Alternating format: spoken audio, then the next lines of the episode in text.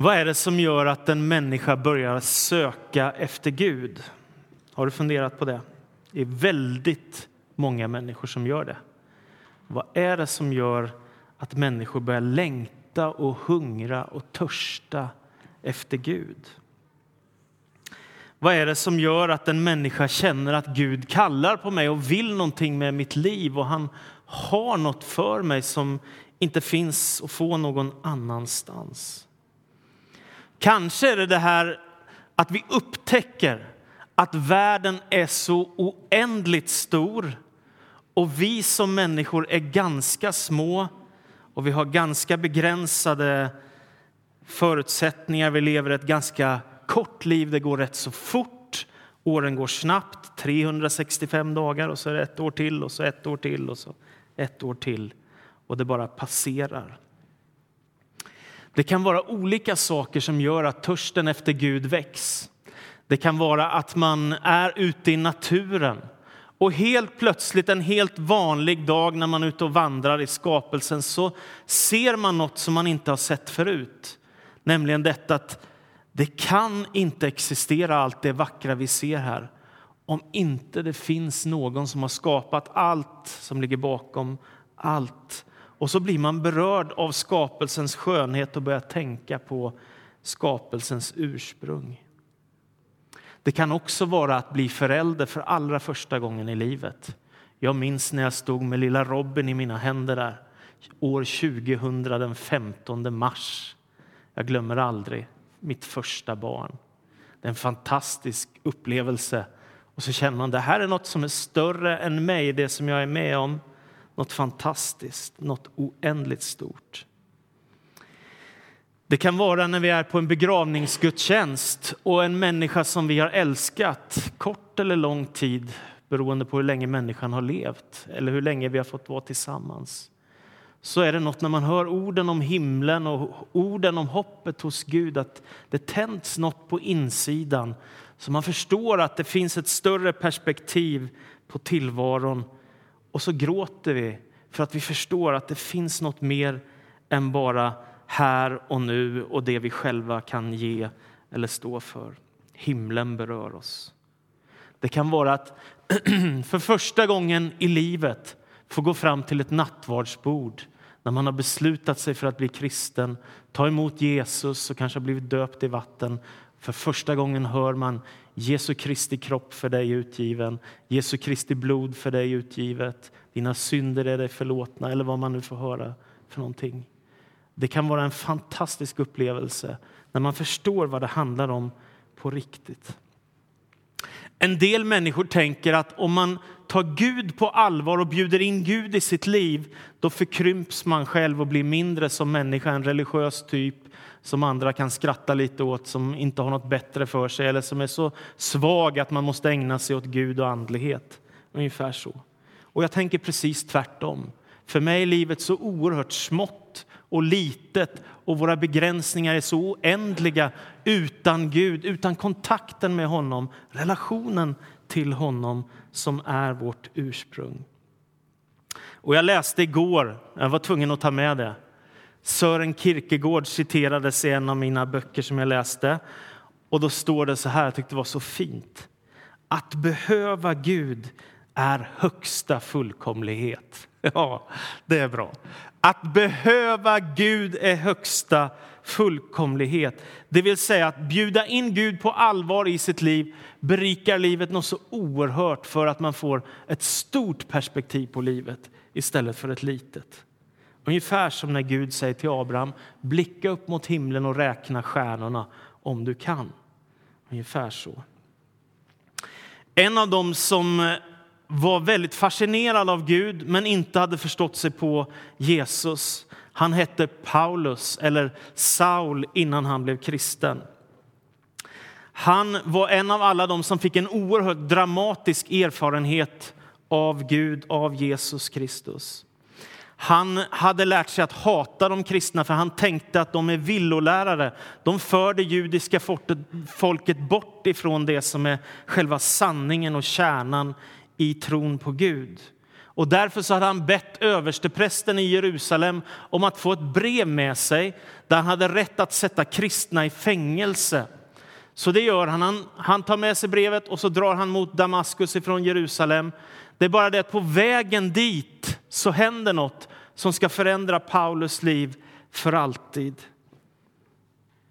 När han är på vägen till Damaskus ifrån Jerusalem så omges han helt plötsligt av ett bländande ljussken från himlen. Han faller till marken som blind och så hör han en röst som säger Saul, Saul, varför förföljer du mig? Och han frågar, vem är du, Herre? Och han får svaret, jag är Jesus, den som du förföljer. Det berättas om i Apostlagärningarnas nionde kapitel. På en enda sekund så förstår Saul, eller Paulus som han kom att heta som kristen att Jesus är den utlovade Messias som Gamla testamentets profeter har talat om. Han är uppstånden ifrån de döda. Han lever igen. Han är Guds son och världens frälsare. Och i tre dagar, står det, så äter han inte någonting och han dricker inte någonting. Och han beger sig in till Damaskus och i Damaskus möter han en av ledarna för församlingen där som heter Ananias. Och Gud talar till Ananias att han ska gå och möta Saul fast han vet att han är en förföljare mot de kristna. Men Gud talar till honom, du behöver inte vara rädd utan jag kommer att vara med dig och det här ska bli en tjänare åt mig. Så han lägger sina händer på Saul och ber för honom och det är som att fjäll faller från hans ögon och han blir uppfylld av den helige ande. Och på ett enda ögonblick vill han bli döpt i vatten som han vet att de kristna gör. Och så blir han döpt och så börjar han direkt att äta och när han har ätit så börjar han predika om Jesus som Messias, som världens frälsare och Herre. Han går från synagoga till synagoga och han är ju expert. Han har utbildat sig under många år i Jerusalem i ordet. Han kan alla profetiorna och så inser han att det är Jesus som är Messias och Herre och därför kan han överbevisa mängder av människor om vem Jesus är, att han är uppstånden ifrån de döda. Paulus har en helt unik upplevelse av Jesus efter att han är uppstånden ifrån de döda. Så jag skulle tänka mig att Paulus är inte troende. Han vet att Jesus lever. Han har en egen erfarenhet av Gud som är helt makalös. Paulus har också en lärjunge som heter Timoteus. Och han skriver två brev till Timoteus. Han var en ung församlingsledare som levde i Efesos i nuvarande Turkiet. Där fanns han. Hans mamma var judinna, hans pappa var grek. Så jag tror att han hade både det här judiska och det grekiska arvet med sig in i livet. Och så möter han Paulus på hans första missionsresa. När Paulus nu börjar resa överallt i romarriket för att predika om Jesus Kristus som Herre och Frälsare. Och där möter han Timoteus, en ung man och han tar emot Jesus, han blir kristen precis som hans mamma och hans mormor. Och tillsammans så börjar de eh, arbeta med församlingsarbetet. Nu är det dags för Paulus att skriva till Timoteus. Och då har det gått många, många år från att Timoteus först blev kristen och Paulus har fått tjäna Jesus under årtionde och sprida evangeliet om Jesus. Och på plats efter plats, i stad efter stad har man grundat församlingar, avskilt ledare och så har den kristna tron spritt sig som en löpeld över romarriket. Och därför om du läser igenom apostlärningen kan du se att det börjar i Jerusalem som var det judiska folkets andliga huvudstad och så slutar det i Rom som är världens viktigaste huvudstad på den här tiden. Evangeliet tar sig hela vägen och segrar över avguderiet. Någonstans på 60-talet efter Kristus, det vill säga när Paulus har varit i tjänst för Gud under årtionden och tjänat Jesus Kristus, då sitter han fängslad i Rom. Han har predikat evangeliet om Jesus i Israel, i Turkiet, i Grekland, i Italien, antagligen också i Spanien. Det säger traditionen att han gjorde. Och nu sitter han fängslad ännu en gång för sin tro på Kristus. Och i mitten på 60-talet efter Kristus så skriver han sitt brev till Timoteus. Då vet Paulus att nu närmade sig slutet. Kejsaren i Rom heter Nero och han har börjat förfölja de kristna oerhört dramatiskt. Bland annat så beskyller han dem för att ha satt igång en brand i Rom så att han, han fäster dem på pålar och sen så tänder han eld på dem så de blir som brandfacklor och en del korsfäster han och mängder av människor blir martyrer för tron på Jesus Kristus. En av dem som också blir martyr han heter Paulus. Han vet att tiden för honom närmar sig. Och därför, ensam i fångenskap, i väntan på att bli avrättad som martyr för Jesus, så skriver han sina sista ord till Timoteus. Och då står det så här i Andra Timoteus kapitel 4, vers 1. Andra Timoteus 4 och 1 till och med 8. Jag besvär dig vid Gud och Kristus Jesus som ska döma levande och döda. Jag besvär dig vid hans ankomst och vid hans rike. Förkunna ordet, träd upp i tid och otid. Vederlägg, tillrättavisa, vädja tålmodigt och med ständig undervisning. Det kommer en tid då människorna inte längre vill lyssna till den sunda läran utan skaffar sig den ene läraren efter den andra därför att det kliar, dem, kliar i dem att få höra sådant som de önskar. De slår dövörat till för sanningen och vänder sig till legenderna. Men håll huvudet kallt, var beredd att slita ont. Gör vad som åligger en förkunnare och fullfölj din tjänst. Mitt eget liv utgjuts redan som ett offer och tiden är inne då jag måste bryta upp. Jag har kämpat den goda kampen. Jag har fullbordat loppet. Jag har bevarat tron. Nu väntar mig rättfärdighetens segerkrans som Herren, den rättvise domaren, ska ge mig den dagen. Och inte bara mig, utan alla som längtar efter hans ankomst. Paulus vet inte när han ska dö, men han vet att han ska dö, att tiden närmar sig med hast. Han ger oss två bilder av sig själv. Han säger mitt liv utgjuts som ett offer. Han har vuxit upp med den judiska tron. Han vet tempelfirandet i Jerusalem och hur prästerna offrar lamm för att människorna ska få förlåtelse för sina synder. Nu är det Paulus själv som förstår att mitt liv kommer nu bli ett offer. Jag blir martyr för Kristus, för sanningen. Och Det betyder att han har insett att det här är sista tiden i mitt liv. Vad är det då som är viktigt?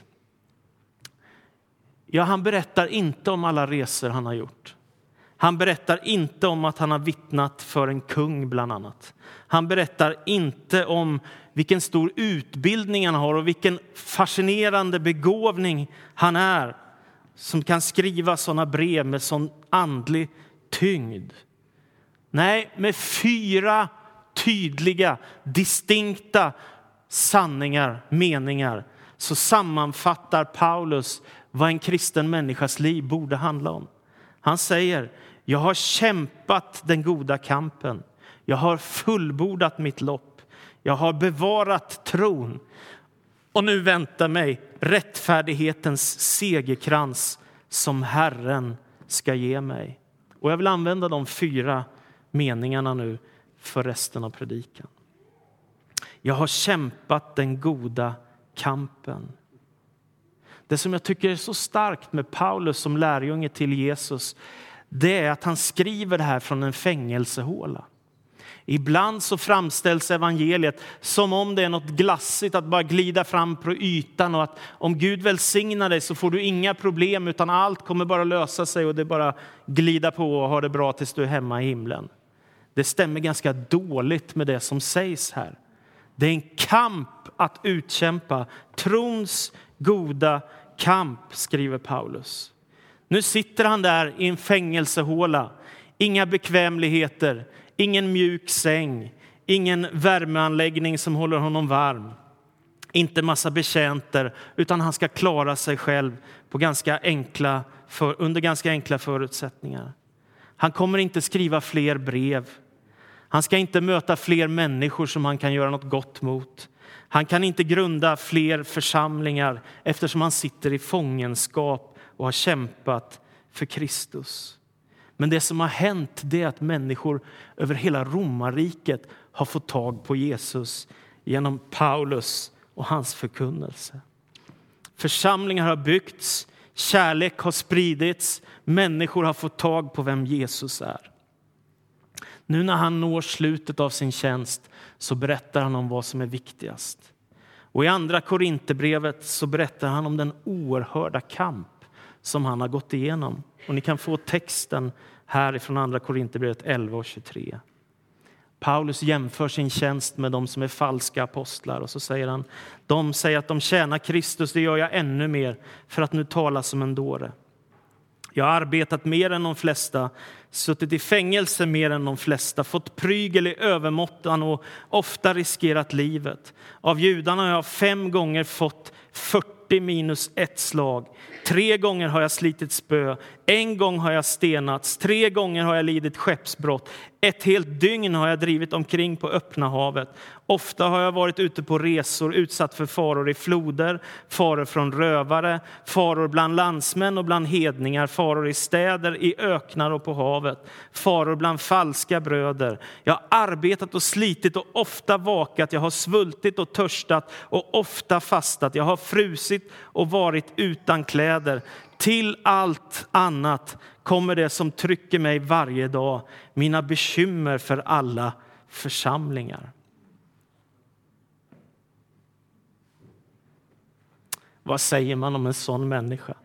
Tänk dig in i hans lidande för Kristus. Jag har inte blivit piskad en enda gång för att jag tror på Jesus. Paulus fem gånger 40 minus ett slag. Och det är som att i den här andan så skickar Paulus det här vidare. Nu kommer inte jag Timoteus att kunna fortsätta predika mer. Nu skickar jag stafettpinnen vidare till dig. Predika i tid och otid. Förkunna ordet, träd upp för människornas skull. Jag besvär dig vid Gud och vid Kristus Jesus som ska döma levande och döda. Alltså, han har en sån oerhörd passion för det som han har fått tag på, budskapet om Jesus. Han har mött Jesus och nu påminner han Timoteus om att detta heliga uppdrag som du har fått när församlingsledarna la sina händer på dig och avskilde dig som förkunnare. Fullfölj ditt uppdrag. Gå vidare med det som Gud har gett dig. Kämpa trons goda kamp. Och ibland så förundras jag över att det är så många människor som börjar sitt liv ärligt, hängivet, brinnande. Jesus som frälsare. Och sen så efter ett antal år så, åh, vad hände? Man tappar kursen, man tappar riktningen, man slutar be, man tröttnar på Bibeln, man slutar fira gudstjänst, man tar Gud på distans. Varför är det så många? Jo, men vi är fruktansvärt många kristna kan du tänka. Vi är flera miljarder som tillhör olika kyrkor i hela världen. Det är sant. Men det är också väldigt många människor som börjar bra och som tappar kursen. Vad beror det på? Ja, det kan bero på att man blir väldigt besviken på människor. Det kan man bli. Och att man inte kommer över sin besvikelse utan man blir bitter bitter på andra människor. Och så är det som att det börjar äta på insidan och man kommer inte ur greppet. Eller det kan vara i församlingen som vi tillhör att någon har en dålig dag och säger något elakt till en. Och helt plötsligt så är det som att nej men då lämnar jag hela församlingen. Då ger, då ger jag upp alltihop. För att hon var elak eller han var elak. Då tänker inte jag... Alltså det är så lätt att att det får för stora konsekvenser och proportioner, det som händer oss. Om det här handlar om att människor ska komma till himmelriket och evigheten hos Gud så kanske det inte hela världen om en och annan människa är lite ovettig och säger saker som är dumma. Det får vi leva med. Sådana är vi som människor ibland. Det kan också vara bekymmer i livet och vardagen som bara äter på en. Och man blir så fångad av alla bekymmer och alla vardagsbestyr att man tappar bort Gud och tappar bort sin relation till Gud. Eller det kan vara dåliga val som man fattar. Man kanske knäcker relationer eller förstör på olika sätt eller fattar beslut som gör att man hamnar liksom på distans ifrån Gud. Paulus skriver till Timoteus, håll huvudet kallt, var beredd att slita ont och gör vad som åligger en förkunnare och fullfölj din tjänst. Alltså det finns någon slags långsiktighet över det Paulus talar om. Inte här och nu, en kort tid, utan hela ditt liv. Ungefär som när vi viger en människa i nöd och lust tills döden skiljer er åt. Det handlar om hela livet. Och jag vet att det är lätt att tappa kursen. Det är lätt att bli ledsen, det är lätt att bli bitter, det är lätt att bli trött. Det är lätt att ge upp. Men jag tänker att det är inte därför vi är här. Och det är inte därför Jesus gav sitt liv för oss, för att vi ska ge upp. Modlös kan man bli, besviken kan man bli, men val fattar vi alltid själva. Är du med? Det är ingen annan som bestämmer åt dig vad du gör med det som händer dig, utan det bestämmer du själv över. Glöm aldrig det. Och glöm inte att Gud har omsorg om dig. Det andra, jag har fullbordat mitt lopp. Jag har fullbordat mitt lopp. Paulus hämtar en bild från de grekiska idrottstävlingarna som fanns vid den här tiden. Det är en bild av en idrottsman som löper sitt lopp så fort han bara kan för att vinna segerkransen. I det kristna livet så handlar det inte främst om hur man startar, hur bra man är i början utan det är ju att vinna segerkransen, att springa mot målet för att segra som är min utmaning. Inte att börja bra bara, utan att avsluta bra. Det är väldigt viktigt. Många prövningar möter oss i livet och det är därför väldigt lätt att göra det vi säger. Man kastar in handduken, man känner jag orkar inte, jag fixar inte det här. Jag lägger av, jag lägger ner. Det är väldigt lätt att göra det. Och jag bara skicka med min livserfarenhet, snart 47 år. Besvikelser, prövningar och svårigheter är omöjliga att undvika. Det kommer då och då i livet.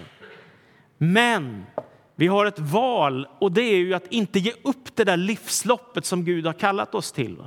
Utan fortsätta springa med stafettpinnen i hand som Gud har gett dig. Paulus skriver i Fesebrevets sjätte kapitel och tionde vers. Hämta nu styrka från Herren av hans oerhörda kraft. Här är en människa som har lärt sig att umgås med Gud dag efter dag dag efter dag. Ta in ordet, fira gudstjänst, fira nattvard, var i bön, vandra i skapelsen för att se Guds storhet. Påminna sig om att hämta styrka hos Herren. Jag har märkt också att, att när man är trött eller när man är besviken, eller när man är arg eller när man är ledsen då är det väldigt lätt att fatta kortsiktiga beslut. Och det är ännu lättare att fatta dåliga beslut. Som om jag fullföljer det här beslutet så kommer det ta mig på en annan väg än den som var tänkt. Jag vet inte om ni kommer ihåg det, men för vad kan det vara, ett halvår sedan ungefär så var tåget här på väg att backa rakt in i Pressbyrån. Liksom. Den körde utanför spåret och stod upp här mot Pressbyrån. Hade det gått bara några meter till så hade det väl gått genom väggen på Pressbyrån här ute. Det vill säga man är på en annan väg än den som spåret finns för. Och så tänker jag om det kristna livet. Jesus säger, jag är vägen, sanningen och livet. Det finns en väg att vandra på, det finns en mästare att följa. Så om du börjar gå åt det här hållet istället så tappar tappar du ju det som Gud har tänkt för ditt liv. Och därför är det bra att inte fatta ovisa beslut om man kan undvika det. För vi kommer alla att hamna i situationer när vi misslyckas. Vi kommer alla hamna i situationer när du eller jag, att vi sårar varandra av någon anledning. Vi kommer alla hamna i situationer där vi gör någon besviken eller någon annan gör oss besviken. Det hör till livets omständigheter. Och då är det väldigt viktigt att vara fast i sin tro och i sin grund. Veta att Gud älskar mig ovillkorligt hurdant än livet blir för dig och för mig. Och Paulus skriver i Andra Korinthierbrevets femte kapitel och vers 16. vers 17. Därför ger jag inte upp. Även om min yttre människa bryts ner förnyas min inre människa dag för dag. Mina kortvariga lidande väger ju oändligt lätt mot den överväldigande eviga härlighet de bereder åt mig som inte riktar blicken mot det synliga utan mot det osynliga. Paulus har ett därför i sitt liv. Därför ger jag inte upp. För jag har inte bara satt mitt hopp till den här kroppen och de år jag kan leva i den här världen. Utan jag har satt mitt hopp till Kristus som är i den osynliga världen och som förbereder evigheten för dig och mig. Därför ger jag inte upp. Och i ljuset av evigheten så är lidanden här kortvariga i ljuset av evigheten. De kan vara oerhört smärtsamma att gå igenom och ändå i ljuset av en evighet så är det kortvariga lidande som vi pratar om. Det som är så häftigt med den tävling, bildligt talat, som Jesus har bjudit in oss till, att springa loppet för honom, det är att det inte bara är en som segrar. Visst är det bra? Det är inte bara en som kan få segerkrans. Det är inte bara en som är bäst som vinner och kommer i mål och andra, alla andra har hamnat på någon annan plats. Utan alla människor i hela världen är inbjudna till att springa för att få segerkransen, rättfärdighetens segerkrans. Alla kan vinna. Jag har bevarat tron. Jag har bevarat tron. Vad handlar denna tro om? Paulus sammanfattar det i Första Korinthierbrevets 15 kapitel och tredje vers och framåt. Bland det första jag förde vidare var detta som jag själv hade tagit emot att Kristus dog för våra synder i enlighet med skrifterna, att han blev begravd och att han uppstod på tredje dagen i enlighet med skrifterna och att han visade sig för Kefas och sedan för de tolv. Därefter visade han sig för mer än 500 bröder vid ett och samma tillfälle. De flesta är ännu i livet, men några har avlidit.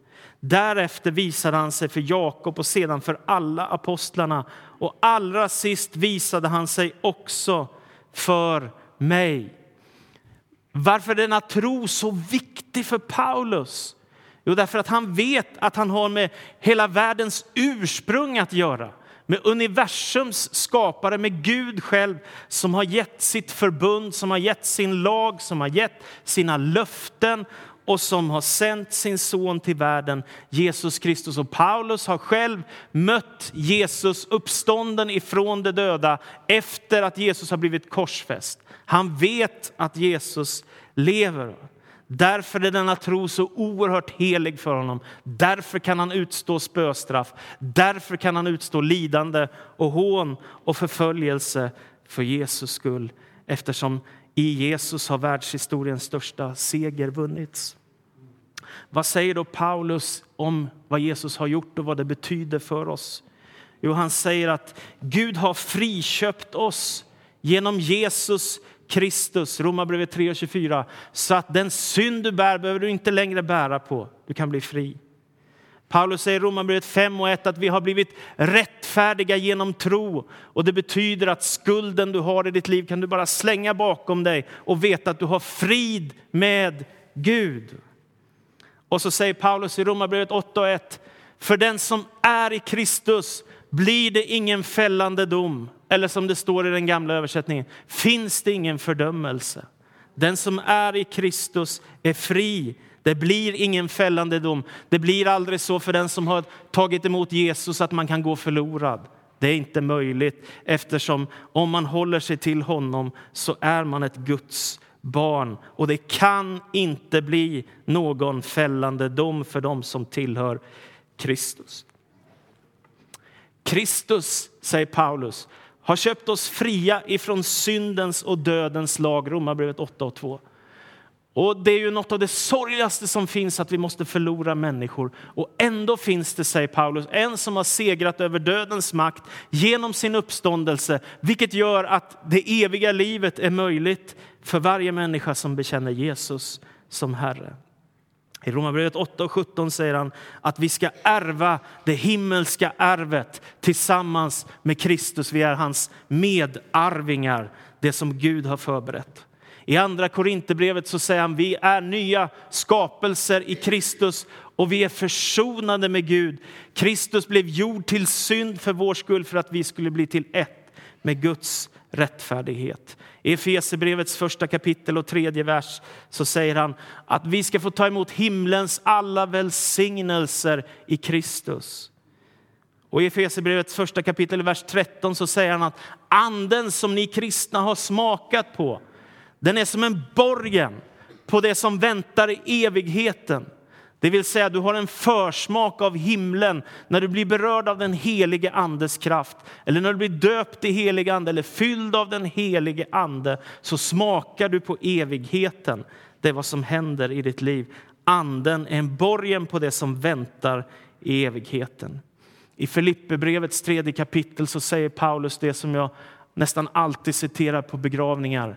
Himlen är vårt hemland och därifrån väntar vi den som ska komma, Jesus Kristus. Och så säger Paulus i det liv han har haft i Filipperbrevet 4, vers 13 av lidande och glädje, av sorg och av lycka, allt som han har varit med om, välsignelser och svårigheter, så säger han allt förmår vi genom honom som ger mig kraft.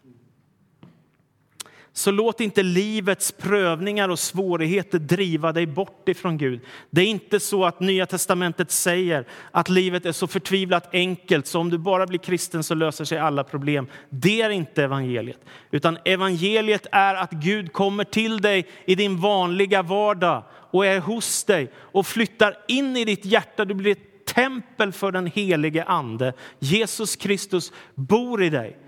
Men han ska en dag segra över all ondska och djävulskap. Det finns ett rike som väntar oss i evigheten som aldrig någonsin tar slut. Där Guds härlighet, helighet och godhet regerar och ondskan besegras. Så vad du än möter i livet just nu, hur tufft det än är, hur besviken du än är, och hur svårt det än kan vara, så lämna inte trons väg. Vandra inte bort ifrån Jesus. Kanske du är frestad att ge upp. Gör inte det. Livet blir inte bättre för att man ger upp. Kanske du är frestad att ge upp din tro eller din församling eller livets prövningar på olika sätt. Gör inte det, utan fortsätt framåt och lita på att Gud kommer att vara trofast när du följer Jesus Kristus. Och till sist, evangeliets budskap det är att vi lever inte bara i den här världen som en slags ödlig, ödslig eh, plats där, man, där det inte finns någon mening, ett kallt och hårt världsligt system bara. Nej, det som evangeliet säger det är att eh, vid en punkt i historien så bryter Gud in genom Kristus och så lyser Guds kärlek upp världen genom att Jesus har kommit till oss. I honom finns det frälsning och på ett enda ögonblick kan en människas hjärta lysas upp av ljuset ifrån Kristus och man kan bli frälst, man kan bli kristen. Din och min resa pågår ett tag och sen någon gång där framöver så ska vi ta vårt sista andetag, både du och jag. Och jag tänker, en vis människa tänker inte jag klarar mig själv, för det gör man inte. Utan en vis människa tänker jag behöver Jesus, jag behöver Kristus. Han har lovat i sitt ord, Guds ordet, att han ska ta dig in i himlen om du vill ha med honom att göra. Han ska kämpa för dig i dina prövningar och svårigheter. Så kämpa trons goda kamp. Spring för att fullborda ditt lopp och se till att du bevarar tron på Kristus, tron på Gud i allt som möter dig. För då väntar någonting oerhört. Rättfärdighetens segerkrans. Den väntar på alla som vill ha med Gud att göra. Inte bara på den som vinner och är snabbast, utan på alla som vill göra Jesus Kristus till Herre. Det var detta som jag blev så berörd av när jag var 18 år och det är detta jag har försökt att göra nu i snart 30 år. Det här är mitt livs lycka, att få leva med och för Jesus. Amen. Herre, så ber jag att du ska dra oss till dig Jag ber att du ska kalla på oss, Herre. Vi behöver dig. Jag behöver dig. Vi behöver alla dig och din härlighet. Och jag ber att du ska uppenbara dig för oss, för vi behöver det. Precis som Saul fick bli Paulus så blir jag att fler människor här i Karlstad skulle få göra en omvändelse, skulle få möta dig, skulle få göra en stark start. Men jag ber också för alla oss som varit kristna i kanske flera årtionden nu, Herre, eller kanske i 50 år eller 60 år, att vi inte lägger ner stafettpinnen, att vi inte slutar springa, utan att vi vill fullborda vårt lopp att vi vill bevara tron och att vi vill kämpa trons goda kamp. Och tack för att du inte lämnar oss ensam i den kampen, utan du är med oss i din trofasthet och med dina löften dag efter dag, stund efter stund. För det tackar vi dig. Amen.